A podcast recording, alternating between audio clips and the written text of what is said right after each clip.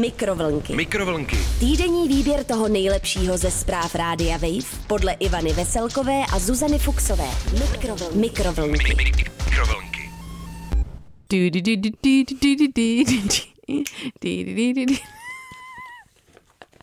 La la la la la la la la la la la. Susko. Teď ti potřebuji dělat dobrou náladu svým um, bebopem. Krásný. Díky, Ale- díky, já to budu celý zpívat. Dobře. Zuzíku. Takže dobrý den. Začíná spravodajský podcast Mikrovlnky. A jak možná jste už nacítili, tak Zuzka nesedí v kontribuční budce v Já Brně, tady přímo nasakuju rozhlasáckou energii od zdroje. takže v Praze. Tady jsou sedačky proseděné Janem Rosákem. Určitě Zuzko ve studiu Rádia Wave se podle mě Jan Rosák Hodně něco zdržuje. naseděl. Každopádně, nebudeme to zdržovat a jdeme na souhrn dění, které nás v posledních dnech zaujalo. Šívidi, vidi, vidi, vidi, vidi. Dobře. Tahle píseň je blbost, myslí si Nick Cave o textu, který v jeho stylu vygenerovala umělá inteligence. AI. Lodní doprava a podmořské ropné vrty ruší delfíny. Musí na sebe křičet. V Brně hledali člověka, který si koupil kadidlo a. Slovo kadidlo prostě Ivanku vždycky rozesměje jak slzám. Ano. Já to asi přečtu, protože to nezvládneš, Ne. ne. evidentně. V Brně hledali člověka, který si koupil kadidlo a ztratil peněženku. Vidíš, tady se vidí profik. Zuzko, úplně jako Jan Rosák. Dobře, ale než se dostaneme ke kadidlu, tak, tak O tom potom. O tom potom. Tak začneme zprávou, kterou jsme našli na webisku Rádia Wave v sekci Wave News. Tahle píseň je blbost, myslí si Nick Cave o textu, který v jeho stylu vygenerovala umělá inteligence. Mm-hmm. O co ale go? Australský zpěvák uh, s velkým obočím a hudební skladatel Nick Cave odsoudil píseň vygenerovanou umělou inteligencí, kterou mu zaslal jeho fanda. Hmm. Text označil za blbost, cituji, a groteskní výsměch. Hmm. Skritizoval také celé fungování umělé inteligence a generování textu obecně, jak píše server The Guardian. Přísně teda, Nick Cave. Díky za píseň, ale při vší lásce a úctě ke světu je to blbost. Groteskní výsměch tomu, co znamená být člověkem. No a moc se mi nelíbí. Vyjádřil se Cave k zaslanému textu. Tvrdě hmm. on. Píseň eh, v Caveově stylu nechal jeho fanoušek vygenerovat umělou inteligencí prostřednictvím aplikace Chat GPT, kterou v listopadu minulého roku spustila společnost ta a ta. Jedná se o chatbot, který dokáže generovat různé texty, téměř hmm. na jakékoliv téma. Zároveň se také dokáže přizpůsobit různým stylům nebo způsobu psaní. Hmm. Cave se ale na svém blogu The Red Hand Files proti této technologii ohradil a odsoudil ji.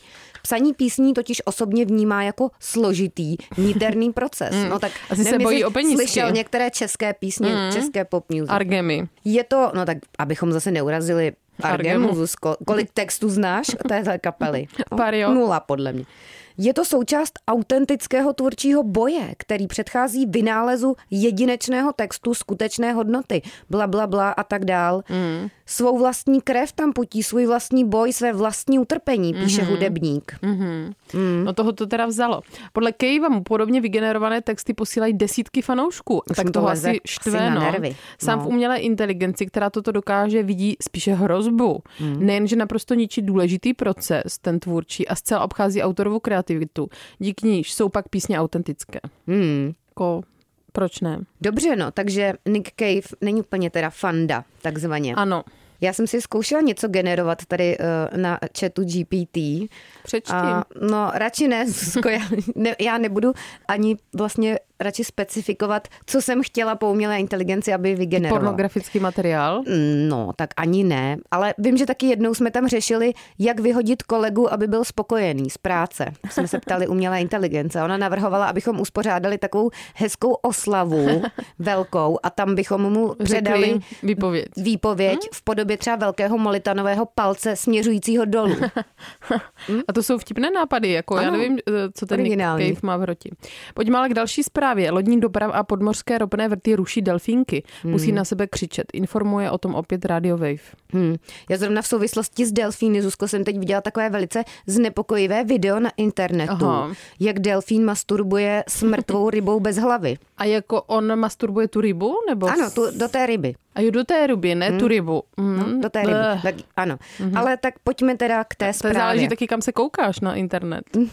Já se koukám na různá místa. Dolphinking.com Delfíni, stejně jako lidé na sebe v hlučném prostředí křičí, aby se dorozuměli. Ukázala to nová studie, která posílila obavy z dopadu člověkem vytvořeného Aha. hluku na mořské živočichy. No a co k tomu říká Zuzko britskému listu The Guardian paní Pernilla Sørenson z Bristolské univerzity? Která výzkum vedla. No ona No. říká, ve velmi hlučné hospodě se přistihneme, že zvyšujeme hlas Hmm. a třeba někdo i v úplné klidně hospodě, a někdo hospodě třeba třeba Ivanka. už v hospodě. Já třeba přistihávám Ivanku, že i v klidné hospodě zvýší hlas. Nicméně, co říká dál Sörnila, ne, hmm. Pernila Sörensen. Delfíni reagují podobně, snaží se to kompenzovat, ale jsou tam určitá nedorozumění. To znamená kompenzovat ten hluk nebo tu Hmm. absenci ticha. No a jak teda ten výzkum probíhal? Vědci zkoumali pár delfínů, takže dva. Mm-hmm. To není mnoho. Deltu a Rese. Mm-hmm. A sledovali, jak jejich spolupráci ovlivňuje okolní hluk. Kytovci měli za úkol stisknout své vlastní tlačítko, umístěné na obou koncích laguny v rozmezí jedné sekundy. Během každého pokusu je výzkumníci vypustili z výchozího bodu a někdy jedno ze zvířat zadrželi na pár sekund. To je složitý pokus, já už tomu vůbec nerozumím. Delfíni se tak při koordinaci museli spoléhat pouze na hlasovou komunikaci. Tak tomu rozumím. No a Zuzko, dáváš pozor ještě. Když byla z podvodního Oni se prostě reproduktoru... neviděli v překladu. Oni si museli jenom povídat, protože si neviděli z očička do očička. No, ano. A jak to pokračovalo? Když byla z podvodního reproduktoru pouštěna stále vyšší úroveň hluku, hmm. oba delfínci se to snažili vyrovnat změnou hlasitosti a délky svých volání, aby se domluvili na stisknutí tlačítka. Hmm. Podle výzkumu klesla jejich úspěšnost 85% při nejmenším hluku na 62,5% při největším. Hmm. Ten byl srovnatelný s tím, eh, který se někdy vyskytuje v mořském prostředí v důsledku lodní dopravy a vrtu. Hmm, tak. Takže se neslyšeli. Takže se neslyšeli. Dobře, ale pojďme teda konečně k tomu kadidlu, Ano. Zuzko. Ano, já Brněnská to radši přečtu. Přečti to. V Brně hledali člověka, který si koupil kadidlo a ztratil peněženku. Informuje o tom pravda, že Brněnská drbna. A co teda píše? Kožené peněženky. Prostě, tak mně, mně přijde vtipné slovo kadidlo a tobě jako kožená, peněženka. No. Šrajtofle, portmonka. Kožené portmonky, která se povalovala na parkovišti u Hřbitova, si v Brně všimla 47-letá žena. S nálezem přišla na nejbližší služebnu městské policie, mm. takže byla poctivá. Strážníci objevili v peněžence 1200 korun, ale doklady, jež by poukázali na majitele, hledali marně. Hmm. A cituji mluvčí strážníku Markétu Skřivánkovou. Namísto toho byl uvnitř společně s hotovostí daňový doklad, díky kterému se strážníci velice rychle dovtípili, kdo by mohl být jejím majitelem. Hmm. A proč?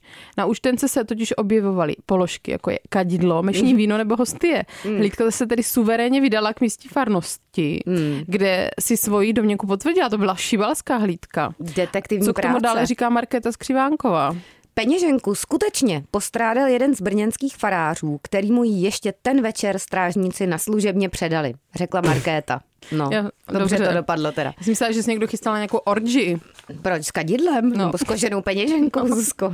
Tady z těch indicí to vyvozuješ. No, Prostě když na orgie, tak jedině s koženou portmonkou a s pořádnou dávkou kadidla. Dobře, takže tolik dnešní mikrovlnky, to už by asi stačilo a uslyšíme se zase příští Naschledanou. týden. Mikrovlnky. Mikrovlnky. Týdenní výběr toho nejlepšího ze zpráv Rádia Wave podle Ivany Veselkové a Zuzany Fuxové. Mikrovlnky. Mikrovlnky. Mikrovlnky.